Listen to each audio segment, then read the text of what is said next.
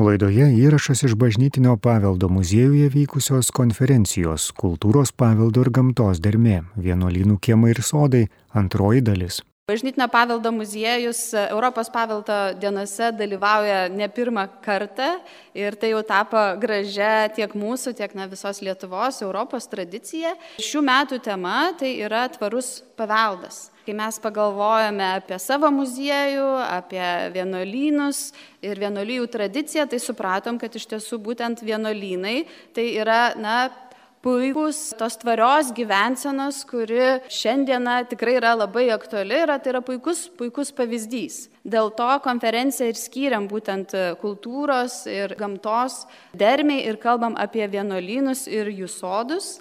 Ir e, dabar metas persikelti į poezijos sferą ir kalbėti apie kultūros paveldo ir gamtos e, dermę būtent tenai. Taigi kviečiu klasikinės filologijos specialistę Vaiva Vasiliauskaitę, kuri papasakos apie antikinės ir krikščioniškosios išminties vaisius e, Valafrido Strabono poemoje Darželis. Tai aš taip pat norėčiau pradėti savo pranešimą padėkodama daktarui Taurui Antanui Mekui už labai įdomų įvadą į signatūrų teoriją, kuri man buvo visiškai negirdėta ir štai pristato gamtą tarsi Dievo paruoštą raštą, kuriame slypi ženklai, kuriuos suprantant ir išmanant galima savo padėti. Na ir tai, apie ką kalbėsiu aš, irgi šiek tiek bus apie, gamtos, apie gamtoje slypinčius ženklus ir jų perskaitimą. O pradėti norėčiau šitaip. Te bus pagirta didžiojo griausmininko išmintis ir jo gerumas. Nėra tokio krašto, kurio nebūtų plačiai jis nuklojęs žemės gerybėmis. Kas po šiuo dangum reta, kitur pasaulį taip gausiai plyti, kaip mūsųse pigus niekai mėtosi nuo ko galbūt paniekinamai ši čia grėžiesi, tą kitoj karalystėje už didžiulius turtus perka. Viena su kita besikeisdamos šalis klesti ir šitai paskiros dalis tampa vienais namais šiam pasauliui. Nors ir ne egzametrų, bet pamėginau jums išversti ir pacituoti ištraukėlę iš IX amžiaus benediktinų vienuolio Valafrido Strabono veikalo Sodelis arba Hortulus laikomo pačiu pirmuoju veikalu apie botaniką Europoje, išsiskiriančiu iš gana gausios antikinės literatūros apie žemdirbystę tuo, kad štai pirmą kartą yra kalbama apie paskiras vaistažolės, apie jų savybės ir panaudojimą e, vienuolyno reikmėms žmonėms gydyti ir taip pat netgi virtuvėje patiekalams paskaninti. Kodėl šita citata? Todėl, kad 308 eilutėje pirmą kartą yra paminimas Dievas, apie kurį turėtume įsivaizduoti, sukasi vienuolyno, na ir 9 amžiuje kiekvieno žmogaus gyvenimas. Ir paminimas jis ne bet kaip, o labai specifiniu būdu. Atkreipkite, atkreipkite dėmesį į žodį griausmininkas, lotiniškai tonans. Na tai Pirmą kartą išgirdus šitą žodį vargu ar pagalvotume, kad gali būti kalbama apie krikščionių dievą. Griausmininkas mums labiau siejasi su perkūnu e, ir apskritai su pagoniška tradicija, kaip ir, kaip ir iš tikrųjų yra. Mat žodis tonans, griausmininkas, griausmavaldis, antikinėje, nu, dar nuo antikinės literatūros laikų buvo skirtas nusakyti Dzeuso, diev, Olimpo dievų panteono valdovui, debesų varinėtojui, kurio štai galę gamtai jis išreiškia. Tačiau net ir anglų, vertėjas į anglų kalbą iš karto verčia šį žodį į a, Dievas. Ne griausmininkas, bet būtent Dievas. Ir jisai daro teisingai, nes štai nuo pirmųjų e, krikščionybės amžių pradedama jau skolintis ant, antikinius a, a, epitetus, antikinę, a, antikinį stilių, kalbant apie a, mūsų krikščionių a, reiškinius, apie pačią krikščionybę. Na, tai kaip nutiko, kad 9 amžiaus vienuolio tekste šlovinant viešpaties kūrinyje jisai įvardinamas pagonių, pagoniškų epinių vardų. O už šio reiškinio slypi Devintasis amžius ir karolingų renesansas, kurio metu štai nuo Karolio didžiojo pastangų Frankų imperiją atkurti Romos imperijos didybę, konkuruojant ir su tuo metu iškilusi ir labai stipria Bizantija, buvo pradėtos dėti pastangos gaivinti kultūrą, ypatingai sekant antikos autorių jau išvystytą literatūrinę tradiciją. Ir dvarai bei vienuolynai tapo šios rašto kultūros centru. Tai mūsų autorius yra šios, šios tradicijos atstovas ir būtent jo veikalas ir atspindi šią laikmečio tendenciją apie krikščionybę ir kasdienybę kalbėti antikos autorių žodžiais. Prieš kalbant apie, apie Valafridą Straboną, neįmanoma nepaminėti apie jo kūrinį įkvėpusio ir jį kaip asmenybę suformavusio vienuolyno. Tai yra Reichenau salos Benediktų vienuolyną, vienuolyno, kuris na, nuo seno garsėjo kaip kultūro, kaip vienas iš reikšmingiausių karolingų laikotarpio kultūros centrų. Vienuolynas apskritai buvo vienas kertinių karolingų visuomenės dėmenų, tiek visuomeninių, tiek politinių, tiek kultūrinių, kultūrinių aspektais. Būtent vienuolynuose buvo vystoma rašto kultūra. Čianais buvo rūpinamasi lotyniškų rankraščių perrašinėjimu, jų sklaida bei edukacija apie juos, pasakojimu apie juos ateities kartoms. Bet kas dar svarbiau, vienuolynai tom laikmečio žmogui buvo materialus krikščionybės simbolis, buvo tarpininkai tarp Dievo ir tarp žmonių. Ir ne tik tai paskirais atvejais, kuomet štai patronas aukodamas vienuolynui tikėdavosi užtarimo prieš viešpatį vienuolių maldose, bet taip pat ir kalbant apie imperiją, vienuolynai atstovavo na, to karališką jungtį, karališką laidavimą, kad dievišką laidavimą, kad valdžia yra teisėta. Ir Reichenau vienuolynas buvo na, vienas iš tokių centrų, kuri, kuriame egzistavo mokyklos, egzistavo labai a, iš tikrųjų a, pajėgus didžiulis skriptoriumas, perrašinėjęs tokius a, lotynų a, Romos, e, antikinės Romos kūrių e, autorius kaip Vergilijų, Vergilijaus veikalus, Ovidijaus veikalus ir, ir, ir Vitruvijaus e, veikalą apie architektūrą. Be kita ko, būtent į šitą vienuolyną mokytis lotyniškosios rašto kultūros atvykdavo daugybė kilmingųjų vaikų, lygiai taip pat kaip ir patys vienuoliai prieš, ta, prieš stodami, prieš priimdami įžadus, taip pat kaip oblatai gyvendavo vienuolynę ir kartu su kitais berniukais mokydavosi. Paskui taip pat iš vienuolyno būdavo deleguojami ir de, diplomatai, ir mokytojai veikia karališkajame dvare. Taip pat 10-11 amžiuje vienuolynas pagarsėjo savo iliuminuotais rankraščiais, kuomet šita na, kuomet e, išvystė labai savitą meninį stilių, kuris iki šiol yra labai atpažįstamas ir vertinamas meno istorijos. Įkurtas vienuolynas buvo um, Šventojo Pirmino ir legenda byloja, kad štai 724 metais, kai, kai Pirminas atvyko į pačią salą, Tenais jisai rado tik tai knipždantį gyvačių, žodžiu, gyve, gyvačių gyvenamą kraštą, kuriame nebuvo jokios žalumos e, ir jokios gyvūnijos ar augalijos. Ir štai tarsi šventas Patrikas paliepęs visiems tiems gyviams išsinaikinti, išsineždinti, pirminas na, padarė didžiulį pokytį štai šitoje saloje ir pasak legendos dar tris dienas ir tris naktis vandenys aplinkui knipždėjo gyvatėmis.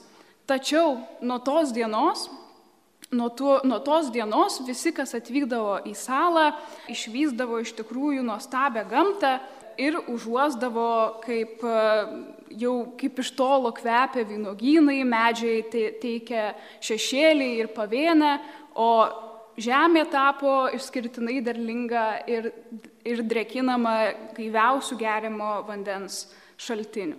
Tai vienuolynas šitą savo derlingumą išlaikė nepaisant įvairiausių peripetijų iki pat dabar, kur turi, iki, iki pačių dienų tebe turi 220 hektarų dirbamos žemės ir duoda netgi trigubą derlių per metus. Tokia derlinga ir e, pilna mineralų, lygiai taip pat na, ir dėl ežero, ir dėl nuolatinės saulėkaitos yra šito vienuolyno žemė.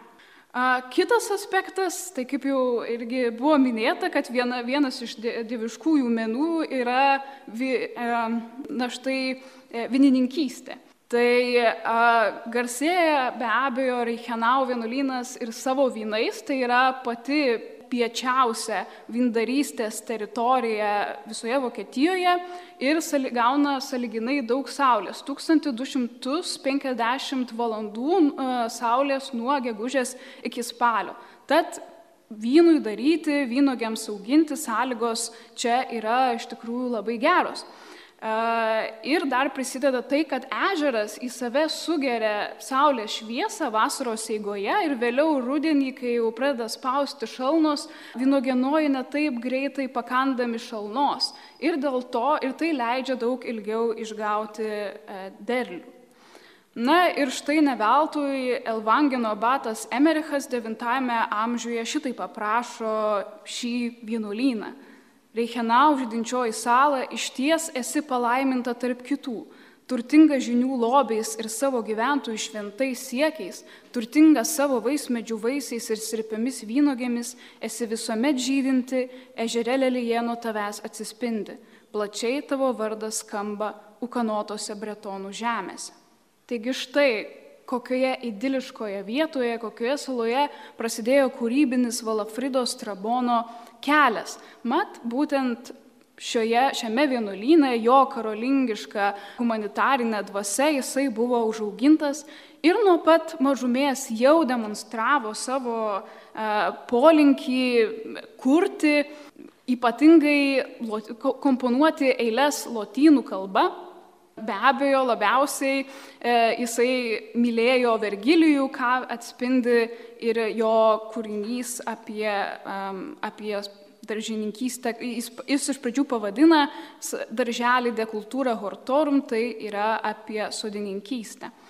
Tai Valafridas Trabonas taip pat garsus dėl to, kad dar jaunas būdamas vos 18 metų parašė poetinį kūrinį, lyrinį kūrinį Vetino regėjimas pagal savo mokytojo Vetino susapnuotą sapną, kuris yra laikomas Dantis deviškosios komedijos, na kaip laikomas dar Dantis, dar pirmesnių už Dantis dieviškąją komediją tuo, kad aprašo sielos kelionę po napusinį pasaulį, kur štai siela išvysta, kaip skaistykloje yra kankinamas Karolis didysis dėl savo gašlumo.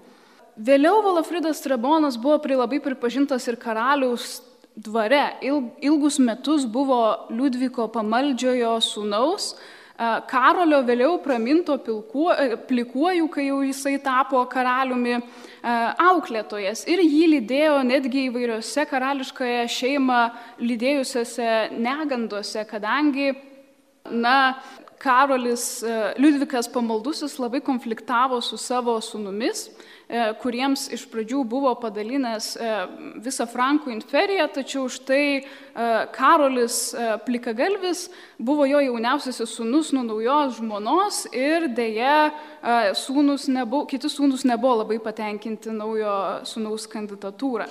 Tai buvo iš tiesų labai dideli kariniai konfliktai, kol galiausiai buvo nutarta dėl paveldėjimo. Jose dalyvavo ir Valafridas Trabonas, iki kol pabaigė savo diplomatinę karjerą kaip e, karalaičio mokytojas ir jam buvo leista sugrįžti į gimtąjį e, Reichenau vienuolyną kaip, e, jau kaip abatui. Tuo pasirūpino pats valdovas, tiesa pažeisdamas natūralią vienuolyno tvarką, pagal kurią vienuoliai patys rinkdavo savo abatą. Na ir poemą Hortulus e, Valafridas Rabonas parašė jau savo ramiosiomis dienomis, kuomet kaip abatas pats savo rankomis e, dirbdavo vienuolyno valdose ir prižiūrėdavo vienuolyno sodelį. E, šis, ši poema priklauso jau dabar išnykusiam mokslinės poezijos žanrui, e, įkūnijamam iš esmės Vergilijaus Georgikų kalbėjusių tiesa apie žemdirbystę ir palikusių vis dar erdvės labiau ir artimiau nupasakoti sodų kultūrą. Poema yra sudaryta iš 20 trumpų, 27 trumpų eilėraščių, kuriuose minimos 29 augalų rūšys. Poema prasideda nuo labai savotiškų žodžių. Jau, jau regėjome, kad 308 eilutėje pirmą kartą paminimas Dievas. Tai prasideda jinai nuo to, kad apskritai apie, die, apie Dievą nėra nei kalbos, tačiau iškviečiamas pagoniškas Dievas Priapas, kuris visuomet buvo siejamas su visiškai priešingomis jėgomis, su seksualumu ir dažniausiai ikonografija būdavo vaizduojama su labai dideliu falu ir buvo laikytas gašlumo simboliu. Bet taip pat senovės Romoje jisai buvo sodų, sodų dievas. Ir štai tas begėdžio priapo rūpestis būtent yra sodininkystė. Ir čia Valafridas jau apeliuoja į savo išsilavinimą, jį, taip, e, jį paminėdamas kaip kaip sodų, kaip štai sodininkystės globėja. Ir pesta išrastas menas, pesta kaip rožininkystės centrą vėlgi mini Vergilijus. Tai čia irgi yra reveransas antikiniai kultūrai, ir parodymas, kad štai dabar Valafridas semsis įkvėpimo iš antikinių šaltinių. Ir vėlgi antikos tradicija sekdamas, jisai pradeda nuo vargų, kurie lydi daržininką metų laikų eigoje, bandantį dirbti žemę. Na tai be abejo, nuo, pradedant nuo žiemos, kuris suryja visų metų triuso vaisius, iki pavasarį už, užpuolančių dilgėlių, kurias pačiam štai strabonui teko su kauptuku iškaupti, sukasti lysves, viso kir, kirmeliukus išversti į žemės paviršių, e, išravėti visas pikdžiulės ir sukasti lysves prieš jo darbą vainikuojant vaisiams. Na ir tuomet prasideda aprašymas, kasgi išauga iš tų jo darbų, jo prakaitų išaugintų vaisių, kurie kiekvieną dieną tarnauja vienuolino reikmėms. Tai pradeda jis nuo na, visų augalvaistinių augalų karaliaus e, šalavijo, tęsia rūtą, kuri yra laikoma svarbiu priešnodžiu Valafridos Trabono, diemedžių, paskui pereina prie moliūgo, kurį jau aprašo be abejo dėl jo skaniųjų savybių, dėl to, kad ir jo keutą galima panaudoti kaip indą e, ir vėliau ten netgi užsandarinus e, laikyti vyną nuo tęsia melionų, kuris jam primena, primena muilo burbulą ir yra žaviausias dėl savo skonio, pelynų, kuris štai padeda nuo galvasopės, jeigu jo nuovira užsipilė ant galvos. Toliau atsiranda jo, po atskirą eilėraštuką yra dedikuojama paprastai šantrai, pankoliui, vilkdagiui, kiekvienas su, savai, su savais e, privalumais. O štai vilkdagis vėlgi yra susijęjamas su antikinė legenda apie Hiacintą dėl savo violetinės spalvos, nes Hiacintas buvo Dievo Apolono favoritas, tačiau dėja, bežaisdamas su Dievu sviediniu nuo per stipraus Dievo smūgio numirė, neišgyveno ir iš jo kraujo užaugo štai tokie violetiniai hiacintai pasak Valafridos Strabono, augantis šalia Apolono altorių. Vaisinė gelsvė, daržinis builis, lelyje, jau dekoratyvinė sodo karalienė, aguona, kvapusis šalavijas, mėta, kuri gausiai auga Valafridos sode ir kurios tokia gausybė, kad net aprašyti neįmanoma, iki kol prieiname prie jau minėtosios vietos, kada jau galime pajusti, kad kalbama iš krikščioniškosios perspektyvos, kad Valafridas Trabonas apeliuoja į Dievą būtent kaip grausmininką, tonans vis dar laikydamasis antikinės tradicijos, tačiau jau spontaniškai gerėdamasis, kad yra tokia įvairovė, tokia gausybė Dievo kūrinių, kurie gali padėti žmogui sunkia akimirka, kurie jį maitina ir gydo ir kur, kuriais keičiasi įvairios šalis, jeigu viena stokoja, jeigu kuri nors ko nors stokoja. Na ir viską galiausiai karūnuoja sodo karalienė rožė, apie kurią jis vėlgi pradeda kalbėti ganėtinai dalykiškai nuo jos aliejaus savybių, kurios vėlgi yra stipriai gydžios iki jo, jos kvapo ir staiga jisai perina į maldą, jisai pradeda kreiptis į mergelę Mariją, prisiminęs, kad rožė yra ir mergelės Marijos simbolis. Ir tuomet jis vėlgi iškelia ir lelyje, ir supina rožę ir lelyje kaip du svarbiausius bažnyčios simbolius. Kaip sako, jisai sako, kad lelyje yra tyrumas. E, mergelės Marijos tyrumas, kuriame švyti ši svarbiausia bažnyčios darybė ir taip pat taika atsiskleidžia per lelyje kaip simbolį. O rožė yra kraujas, visų pirma, kankinių pralietas, jiems liudijant Kristų, visų antra liudijantis ir pati, pačią Kristaus auką, pačią Kristaus kančią. Taigi iš to tokio gana pagoniško, lėto, dalykinio augalų aprašymo jis taiga perina į simbolinį lygmenį ir dabar jisai pina tas gėlės į tokį simbolinį vainiką ir meldžia Mariją skinti rožės karui, o lelijas taikai. Ir Iš šito jau centrinio vainiko išauga paskutinis, jau visiškai nebeturintis atitikmens žemiškajame sode augalas. Tai yra jesės medis, simbolizuojantis Kristaus genealogiją. Nes kalbėdamas apie Marijos gėlės, jisai sako, kad Marijai atiteko pati svarbiausia gėlė, kokia galėjo būti, tai yra Jėzus Kristus kaip gražiausias žiedas vainikavęs savo genealoginį, na, vadinamą Jesės medį. Jesė buvo karaliaus Dovydo tėvas, nuo jo prasideda garsioji senoji e, Senojo testamento genealogija. Tad štai kaip iš tikrųjų per aplinkui Valafridas Strabonas galiausiai ateina iki Dievo pašlovinimo. Pradeda jisai tarsi nuo tokio pasirodymo, savo literatūrinio tour de force pasirodymo, ką jisai ir kaip gali kalbėti, kaip antikos autoriai, antikos autorių stiliumi ir žodžiais, tačiau galiausiai labai spontaniškai reflektuodamas gamtą, apie tai, kas joje atsiskleidžia, kas joje glūdi, jisai išriša ir krikščion, vėliau krikščionybei labai svarbę simboliką. Rožių simbolika ir lelyjos simbolika apskritai yra jau pačiame Senajame testamente užšifruota giesmių giesmėje, štai mylimoji save apibūdina kaip rožė ir kaip slėnio lelyje. Ir, ir vėliau per visą ir Naująjį testamentą šita pati simbolinė linija keliauja ir e, bažnyčios tėvų yra e, pir, pačių pirmųjų aptarinėjama ir keliauja iki emblematikos ir, ir netgi mūsų laikuose jau, mūsų laikais jau nepermastoma yra. Na ir štai šičia mes galime matyti, kaip tas jo sodelis buvo išsidėstęs ir matome, kad lelyje, lilijum ir rožė, roza vėlgi yra tarsi vartininkės. Jeigu, jeigu visi kiti augalai auga lysvėse e, funkcionaliai, matome taip pat ir nuotraukoje iki šių dienų sodelis yra paliktas lankytojams, kurie gali atvykti, atvykti pasižiūrėti, kaip tai atrodė. Tai štai lelyje ir rožė yra jo, vart, jo simbolinės vartininkės, suteikiančios estetinio grožio tam, kas yra kitokiu atveju na, žmogaus naudai, jos veikatai ir suteikiančios taip pat ir e, simbolinį centrą. Tai ties šituo jau, prie, jau kaip ir iškyla klausimas apie tai, ką reiškia vienuolyno sodelis e, vienuoliams ir apskritai kultūrai.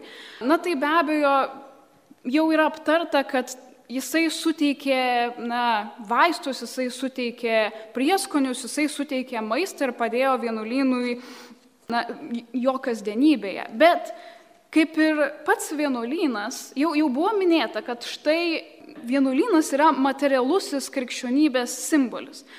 Taigi pats vienuolynas savo struktūra, dažnai centralizuota, labai darniai sutvarkyta, apeliuoja į apskritai Dievo visatos darną, e, į apie Dievo tvarką, kuris, kuris lypi pasaulyje, apeliuoja e, ir išreiškia žmogaus tikslą tos tvarkos, grožio ir vienybės ieškoti kiekviename savo užmojoje, kiekviename savo siekyje, net ir mažiausiame kasdieninėme darbe.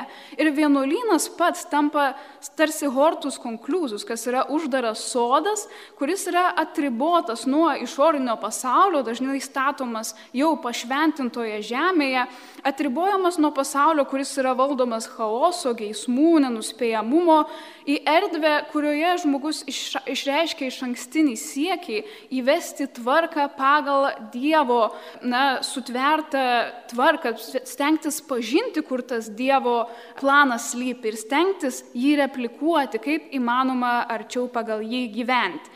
Nors yra ir žemiškųjų malonumų sodas, kuris simbolizuoja kaip tik, kad žmogus gali pernelyg prie materialumo prisirišti ir, ir priešingai, ir priešingai vat, per tuos pasigrožėjimą materialiais dalykais, gaiduliais, skoniais, pamiršti dieviškosios tvarkos provaizdį, užmiršti sekti tuo keliu link tikrojo rojaus. Egzistuoja taip pat vienuolino legenda, kad štai vienuolis vienas jau lipo laiptais po mirties į dangų, bet pasižiūrėjo į apačią ir pamatė gražų sodą apačioje žydinti ir taip jam buvo gražus tas sodas, taip jam sugrūdo širdis, kad štai trokšt ir jisai nukrito nuo tų kopų kopečių ir baigėsi jo kelionė į rojų.